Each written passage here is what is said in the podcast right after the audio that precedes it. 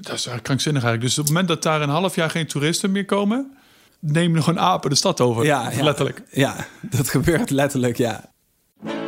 Ik ben Ties. En ik ben Thomas. En samen maken wij de podcast TNT op scherp. Waarin we ons vizier richten op de economie en onderzoeken hoe die sneller kan verduurzamen. TNT op scherp. Een podcast van Follow the Money. Daar zijn we weer. hey. Thomas.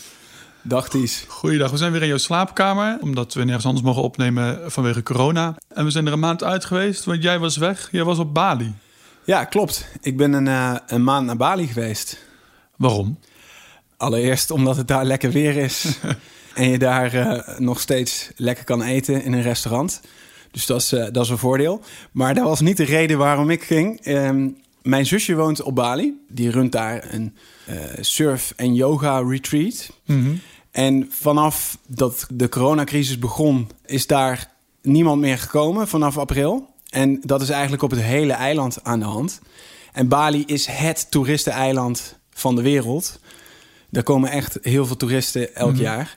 En ineens was er niemand meer. En dat heeft natuurlijk een enorme impact op de economie. Dus ik dacht, daar moet ik naartoe. Dit wil ik zien. Wat gebeurt daar? Jij dacht, dit is een unieke kans om te kijken uh, wat de impact is van corona op, op een eiland dat volledig is ingericht op toerisme. Ja, en, en los nog van corona dacht ik, dit, dit gebeurt eigenlijk nooit. Dat je een uh, economie hebt die heel erg afhankelijk is van één sector en ineens valt dat helemaal weg. Want het is echt van, het is niet een, een beetje teruggevallen, maar het was in één keer nul. En wat gebeurt er dan met mensen? Hoe gaan ze daarmee om? Uh, wat betekent dat economisch, maar ook voor het leven aan zich? En, voor een samenleving. Ja, voor een samenleving. En ik hoorde de verhalen van mijn zusje en toen dacht ik, ja, dit wil ik ook van dichtbij zien. Dus ik ga proberen daar naartoe te gaan. En uh, kijken hoe het er in de praktijk aan toe gaat. Dus jij bent op Bali geweest voor onderzoeksjournalistiek werk. Precies. En een beetje zon. Dat is een essentiële reis was dat dus. Ja, ja, precies. Dus uh, ja, het, het, was ook nog best lastig om, om uh, daar naartoe te gaan. Uh, je kan bijvoorbeeld geen toeristenvisum krijgen. Dus ik moest nog wat wegen bewandelen om uiteindelijk daar toegelaten te worden. Dat is gelukt. En ik heb een maand lang gefilmd en uh, heel veel mensen gesproken over wat ze nu aan het doen zijn en wat het voor hun leven betekent. Ja, laten we dat alvast in deze podcast uh, een beetje in een, uh, in een journalistiek product gieten dan, in eerste vorm. Daarvoor lijkt me wel handig om even wat basisdingetjes van Bali op een rij te zetten. Ik ga niet doen alsof ik het uit mijn hoofd ken. Ik heb zojuist op Wikipedia gezien dat Bali even groot is als Gelderland ongeveer, ietsje groter. Ja. Um, hoeveel mensen wonen er? 4,5 miljoen.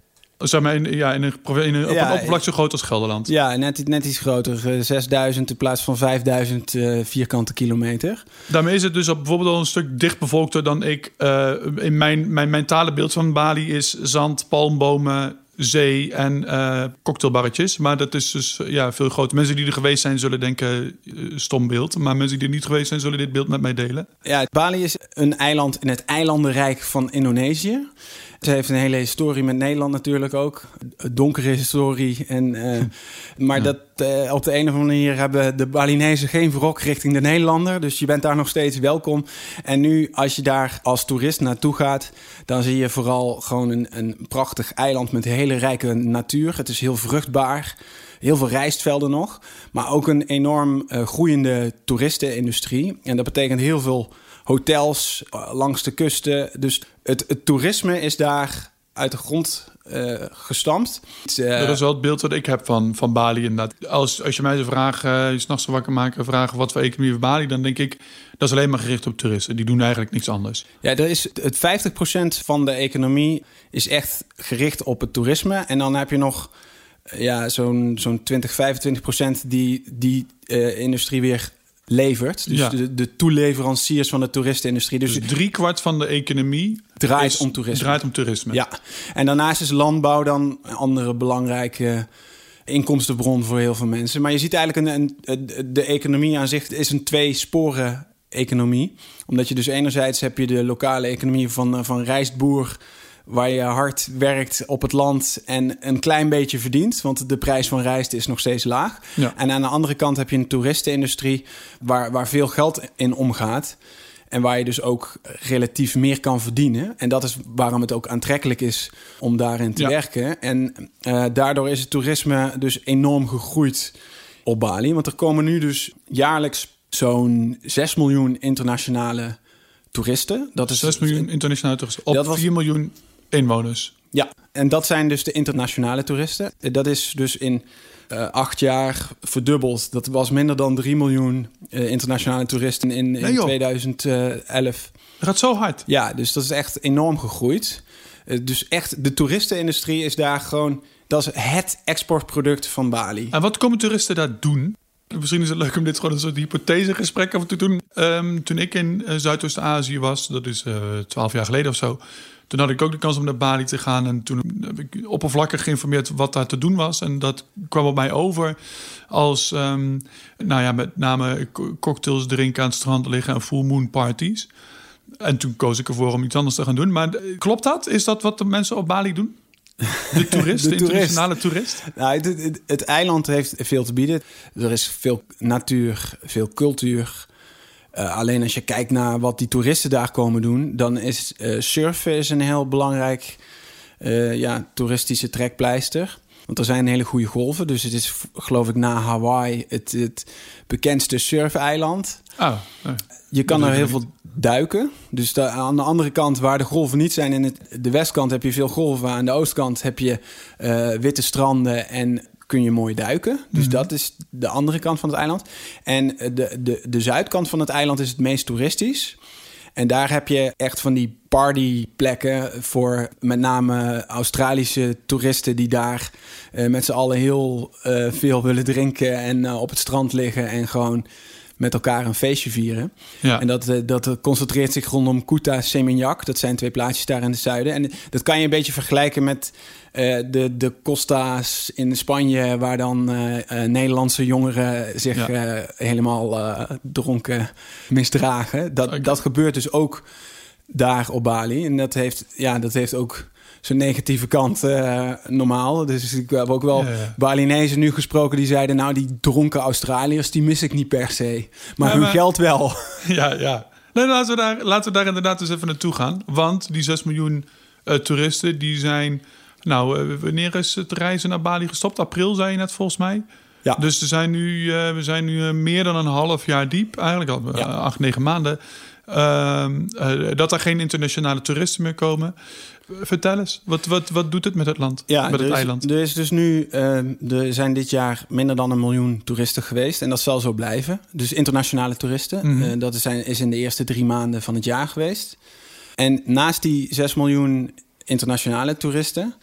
Uh, die dus vooral ja, op die toeristische trekpleisters in mooie luxe hotels verblijven. En daar geld uitgeven aan tours naar de, de vulkaan en fietstochtjes en surflessen en yoga classes en lekker eten. Heb je ook nog wel de, normaal gesproken 10 miljoen Indonesische toeristen. Die dus vanuit andere eilanden ook naar Bali komen. Want Bali is dus ook een toeristeneiland voor Indonesiërs. Wat voor Indonesiërs komen daar dan? Nou, de rijke Javanen uh, oh, bijvoorbeeld. Ja. Mensen die het zich kunnen veroorloven binnen Indonesië om, om te reizen. En die, die, komen, ook naar Bali. En komen die daar dan ook, zeg maar, uh, surfen, duiken of zuipen? Nee, ze komen gewoon op vakantie. Dus ze gaan ook lekker aan, aan het zwembad liggen en aan het strand. Alleen de, de Javaan komt daar niet om yoga-lesjes te volgen. Ja, er zijn er natuurlijk wel. Maar het gros van de mensen komt met een ander uh, doel na, daar naartoe. Dus je ziet dat er een duidelijke ja, de splitsing is tussen het toerisme dat gericht is op, op de Westerling en, en ja. zijn wensen en dat gericht is op de uh, Indonesische toeristen. En wat betekent het dan voor de yoga-retreat van je zus? Die zal dan toch ook voornamelijk Westerlingen ontvangen? Ja. Uh, zeg maar de yoga-barretjes en, en eh, weet ik veel, de zuipketen voor Australiërs. Maar in ieder geval de mensen die ondernemers, de deel van de economie dat gericht is op buitenlandse westerse toeristen. Wat, wat doen die mensen dan nu als, als die mensen er allemaal niet komen? Nou, in die plekken die dus heel populair zijn bij de Westelingen. Eh, ja. Bijvoorbeeld Ubud, dat is een, een, plek in het binnenland met mooie rijstvelden. En zo'n yoga-hippie-cultuur met kunstenaars en Uh, en Kuta is echt die strandplek waar, waar al die Australiërs uh, op het strand komen liggen en naar de discotheek gaan. Die steden zijn helemaal uitgestorven. Daar is gewoon 90% van het straatbeeld zijn dichtgetimmerde winkels en uh, kroegjes en oh, hotels. Daar is gewoon niks meer. In Ubud nemen de, uh, de, de apen uit het Monkey Forest. Die krijgen daar nootjes van toeristen. Die komen nu uit het Monkey Forest en die nemen de straten over. En die, die scheuren zakken open die aan uh, scooters hangen om eten te zoeken. Dus dat is echt wel, dat zijn een beetje spooksteden geworden. Terwijl normaal was het daar super druk. En ja, daar kon je je bijna niet meer voorbewegen, omdat er zoveel toeristen waren. En Ubud heet die stad, zeg je Ja, Ubud. Dus, ik, dus dat is eigenlijk krankzinnig eigenlijk. Dus op het moment dat daar een half jaar geen toeristen meer komen... nemen gewoon apen de stad over. Ja, letterlijk. Ja, dat gebeurt letterlijk, ja. Wauw. en, okay. en in Kuta, ja, daar, daar zijn de st stranden wacht, weer... Ja? Mag ik je even onderbreken? Ja? Laten we even in uh, Ubud blijven. De, daar woonden mensen. Wat doen die dan nu? Wat, wat hebben zij in de tijd dat jij daar was... wat, wat deden zij gedurende de dag op een dinsdagmiddag? Ja, dus er is dus nog een klein deel van de mensen heeft nog zijn baan in, in die winkels. En vaak werken ze dan nog maar een klein beetje, want dat is ook allemaal gereduceerd. Mm -hmm. En de rest heeft gewoon plots geen baan meer, geen inkomen meer. En, um, de maar ze mensen... zitten er ook niet voor de deur te wachten. Of, of zitten ze wel voor de deur te wachten tot er uh, weer een keer een toerist langskomt? Of wat, wat doen ze? Wat veel mensen nu doen is zelf eten uh, verbouwen. Um, je, je, ziet dus dat er een uh, zelfredzaamheid optreedt van ja, wat ga ik dan doen? Mm -hmm. En in Bali is nog heel erg, zijn heel sterk die, die banden ook nog tussen de families en de dorpen. Je woont uh, tegen elkaar aan en je loopt van de ene familie naar de andere. De, de gemeenschappen zijn veel hechter dan hoe wij dat hier met onze buren in Nederland hebben. Mm. En, um, het, en het is een vruchtbaar land. Dus iedereen heeft in de familie nog wel iemand met een rijstveld en een stukje land. En mensen zijn dus creatief geworden in, in wat ga ik dan doen? Ja, als er geen toeristen zijn waar ik iets aan kan verkopen. Wat moet, heb ik dan nodig? Is gewoon een plek om te wonen. Nou, die heb, die heb je al. Want ja. vaak wonen mensen gewoon met de familie bij elkaar in, in die dorpen. En dan heb je eten nodig. Nou, Bali is super vruchtbaar. Dus mensen zijn gewoon uh, zelf eten gaan zelf verbouwen. eten gaan verbouwen. Dus ja, ik heb bijvoorbeeld iemand gesproken die normaal zilveren uh, juwelen maakt. Uh, dat verkoopt aan, aan toeristen. En die zegt nu, ja, onze shop, ja, daar hebben we gewoon nu bijna geen bezoekers meer. Dus ik ben nu gewoon uh, groente aan het verbouwen. En ik heb nu wel gewoon te eten en ik heb meer vrije tijd. Ah, ja, ja. Datzelfde zie je in de kustplaatsen. Uh, waar normaal uh, de mensen leven van uh, surflessen geven aan toeristen, zijn ze nu zelf aan het surfen oh, en ja. kreeften aan het vangen. Dus dan ga je vissen. Dus eigenlijk komt er ook weer een soort lokale economie op gang. Want ik neem aan dat diegene die daar dan in dat dorpje in het binnenland... die zijn eigen rijst en groenten nu aan het verbouwen is... en diegene die kreeft aan het vangen is... die zullen ook weer met elkaar kreeft en rijst uitruilen. Precies. Dus ontstaat denk ik een, een, een, misschien zelfs een hechtere lokale economie dan? Ja, je, je krijgt daar eigenlijk weer wordt teruggegrepen naar de economie zoals die was voordat de toeristen Ja. kwamen. En ehm, dat ontstaat nu noodgedwongen. En dat geeft ook te denken over wat dan een economie is en wat dat betekent. Want uiteindelijk gaat het om gewoon leven en zorgen dat je aan je behoeften kan eh, voldoen. Ja. En eh, er er zijn ook veel mensen die, die wel kritisch zijn op die toeristenindustrie die daar is gegroeid. En eh, ik heb eerder ook een aantal artikelen geschreven over een paar jaar terug over hoe eh, dat eiland aan het veranderen is. En dat er ook wel uh, Balinezen zeggen: Nou, het is toch eigenlijk helemaal niet wenselijk. En de, de lokale vrouwtjes die gingen naar de markt om vier uur, eh, vijf uur 's ochtends. En dan gingen ze daar groente kopen. En dan Zo liepen vroeg ze- trouwens, zeg. Maar ja, eh, iedereen staat daar vroeg op. Maar dan ging je dus om, om vijf uur was je, was je op de, liep je naar de markt toe. En nu eh, word je dan aangereden door een eh, dronken Australiër op een scooter. Omdat daar in één Ja. keer allemaal discotheken in de, in de buurt zitten. En eh, dat soort ja, Ja, kijk- ontwikkelingen. Dat je eigenlijk zeg maar... ehm, die lokale bevolking die heeft hun leefomgeving echt enorm zien veranderen. En in Nederland hebben we het misschien een beetje in Amsterdam. Heb je op een gegeven moment dat de gemeente zegt: ja, die kaaswinkeltjes en Nutella-shops in het centrum, dat wordt echt te veel. Er moet ook nog ja, iets ja, ja. gewoon voor de Amsterdammer zijn. Nou ja, zelf ben ik eh, vanuit Utrecht ben ik op een gegeven moment in Amsterdam gaan wonen. En ik dacht, ik kon een huis krijgen op de Wallen. Ik dacht, dat is leuk. Totdat ik daar eh, ja, gewoon 24-7 dronken Britten zag langskomen in een boorradstring. Ja, dat was, eh, dat was niet leuk. Uh, ik ben daar na anderhalf jaar ben ik, ben ik me heel elders gaan zoeken. Want het, is niet leuk, echt niet leuk voor een stad en voor een Amsterdamse binnenstad wat daar gebeurd is. Maar dat speelt dus ook op Bali eigenlijk. Ja, dat speelt ook op Bali. En, en daarbij komt dat in die toeristenindustrie zijn dus ook heel veel... Ja, ik vergelijk het wel een beetje met het kolonialisme op een andere vorm. Want er zijn heel veel buitenlandse investeerders, rijke Westerlingen en ook rijke Javanen... die de mooie plekjes op het eiland hebben opgekocht. En die verdienen het meeste aan die toeristenindustrie. Dus er komen Westerlingen naar plekken op Bali. En die, daar is, de eigenaar is ook een Westerling. En die uh, verdient het meeste aan die toeristen. En die lokale bevolking profiteert alleen mee omdat ze een baan hebben. En daarmee verdienen ze wel weer meer dan ze oorspronkelijk in, konden verdienen door op het reisveld te werken. Alleen daar zit ook wel. Uh, ja, daar zit, zit wel iets van. Hm, het was hun eiland ooit. En, en nu mogen ze meedraaien in, in de industrie uh, van het toerisme die daar is ontstaan, maar die ze niet per se allemaal zelf uh, hebben opgebouwd en waar ze ook niet de eigenaar van zijn. Ik de vraag die ik dan langzaam heb is: zijn de mensen dan nu ongelukkiger? Nu, hebben de afgelopen zes maanden. Ik weet niet hoe ver je daar natuurlijk een oordeel over kan. Je hebt ze ongetwijfeld niet allemaal gesproken. Maar ja, het, doordat die toeristenindustrie dus helemaal op zijn gat is komen liggen, mhm. heb je echt de economie zoals die nu uh, bestond verstoord.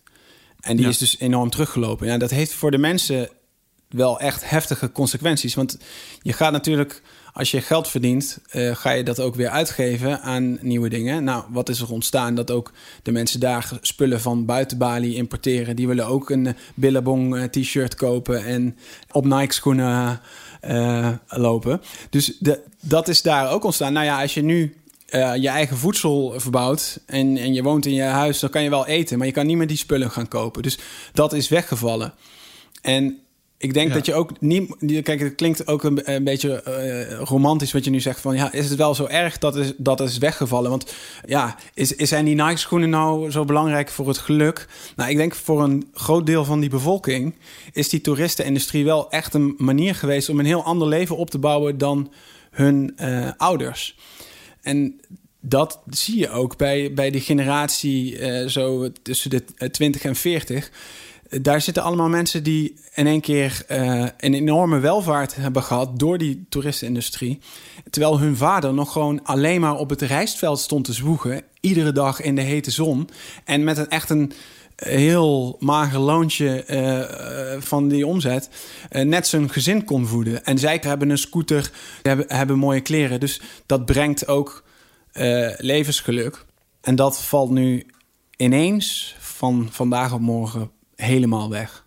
Ja, en dat levert dus ook crisis op. Dat is gewoon ook problematisch voor die mensen er is als gevolg van deze crisis ook gewoon ellende ontstaan. Er zijn mensen die honger hebben, die geen inkomen meer hebben en geen eten kunnen kopen. Arbeidsmigranten uit Java die op Bali werken in de toeristenindustrie, die ook geen familie hebben om op terug te vallen. Mensen met leningen, bijvoorbeeld voor een scooter die ze op afbetaling hebben, of uh, omdat ze geld hebben geleend voor een zaak, die plots uh, die leningen niet meer kunnen betalen.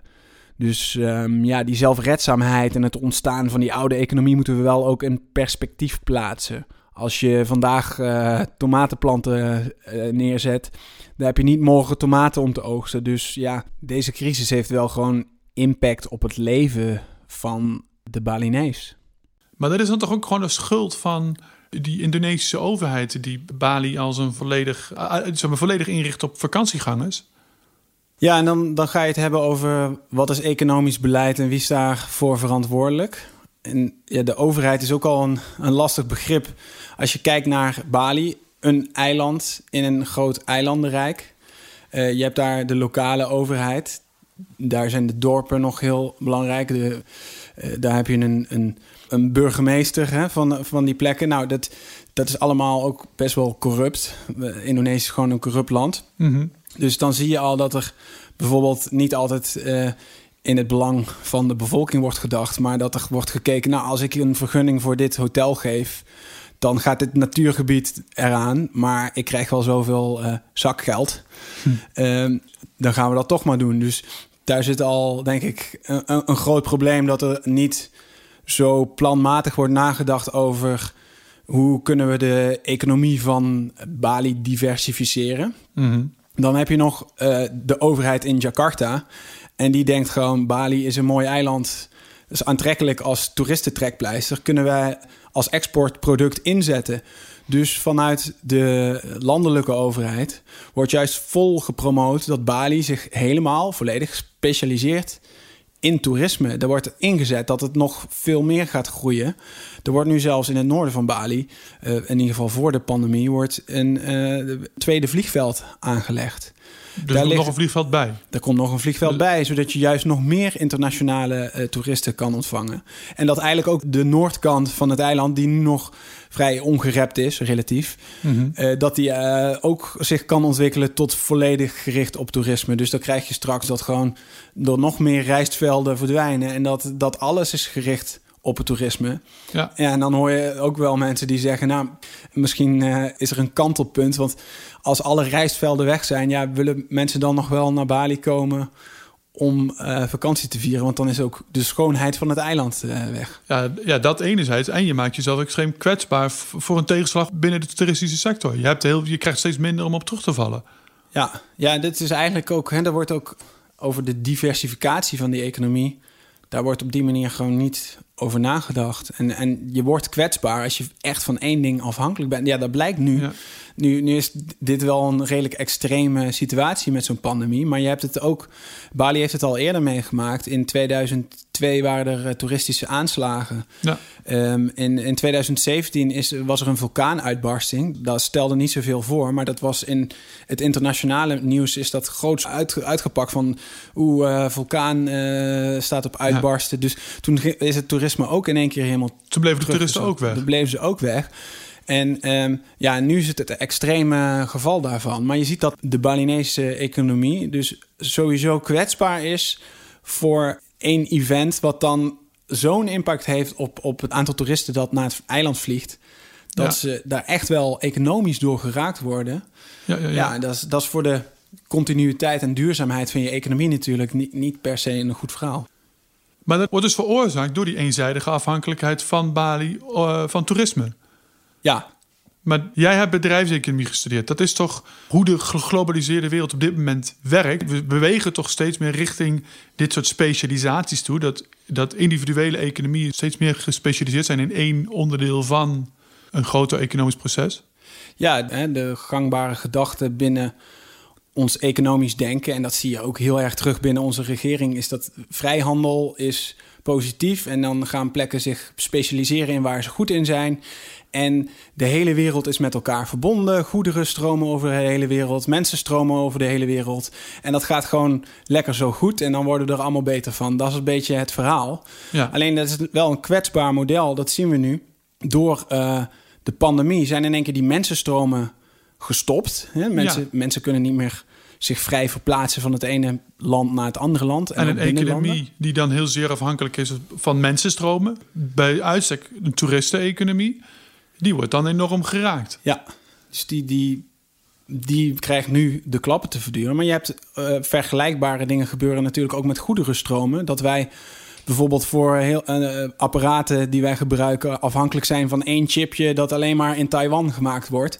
En dan gebeurt er een aardbeving in Taiwan en eh, stort die fabriek in. En dan, Ja. dan gaan productieketens waarvan wij afhankelijk zijn, die vallen in één keer stil. En dat, ja, dat kan echt zo de economie enorm verstoren en ons leven dus verstoren. En ik denk dat dat besef ook wel door de pandemie enigszins terug is gekomen. Van nee, wat Ja. zegt het? Moeten we sommige dingen niet ook wat lokaler inregelen? Eh, kunnen we ook leven van lokale, kortere productieketens? En ook, ja, eh, het is ook best leuk om een weekendje binnen Nederland op vakantie te gaan. Dat le- leeft natuurlijk ook wel. Ja, deels. Maar ik ben het ook niet helemaal met je eens. Want ik, je ziet toch ook wel... Kijk, de, de, de goederenstromen over de wereld zijn eigenlijk niet gestopt. Of nauwelijks. De winkels liggen nog steeds vol met eh, avocado's uit Peru... en nou ja, andere fruit uit Zuid-Afrika. Dus, dus we worden op dit moment door de pandemie nog niet geconfronteerd met ook hoe, hoe groot de productieketens van goederen zijn geworden. Want die, lopen, die stromen gewoon door. Maar het is natuurlijk niet ondenkbaar dat dat op een gegeven moment ook een keer door een andere crisis geraakt gaat worden. Ja, ja zeker. En, en dat is jouw onderwerp natuurlijk ook met de klimaatcrisis. Precies. We, we zijn afhankelijk uh, van een aantal niet zo duurzame processen. En, en die goederen, ja, dat wordt allemaal met containerschepen verplaatst. Dat, dat is niet heel duurzaam. Het vliegen uh, naar Bali is natuurlijk ook niet heel duurzaam. En je ziet dat dat niet alleen niet leuk is voor de mensen die niet meer op vakantie kunnen, maar in zo'n geval, als dat een blijvend iets is, ook echt impact heeft op zo'n gespecialiseerde economie.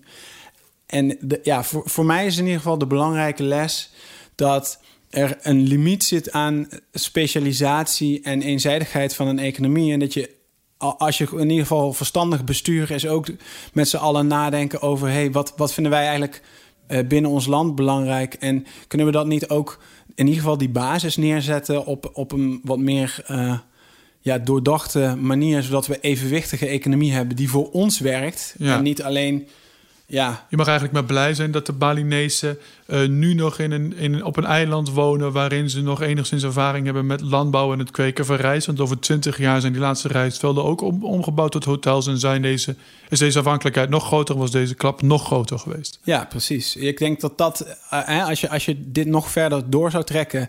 Uh, na, na de pandemie wordt dat tweede vliegveld gebouwd.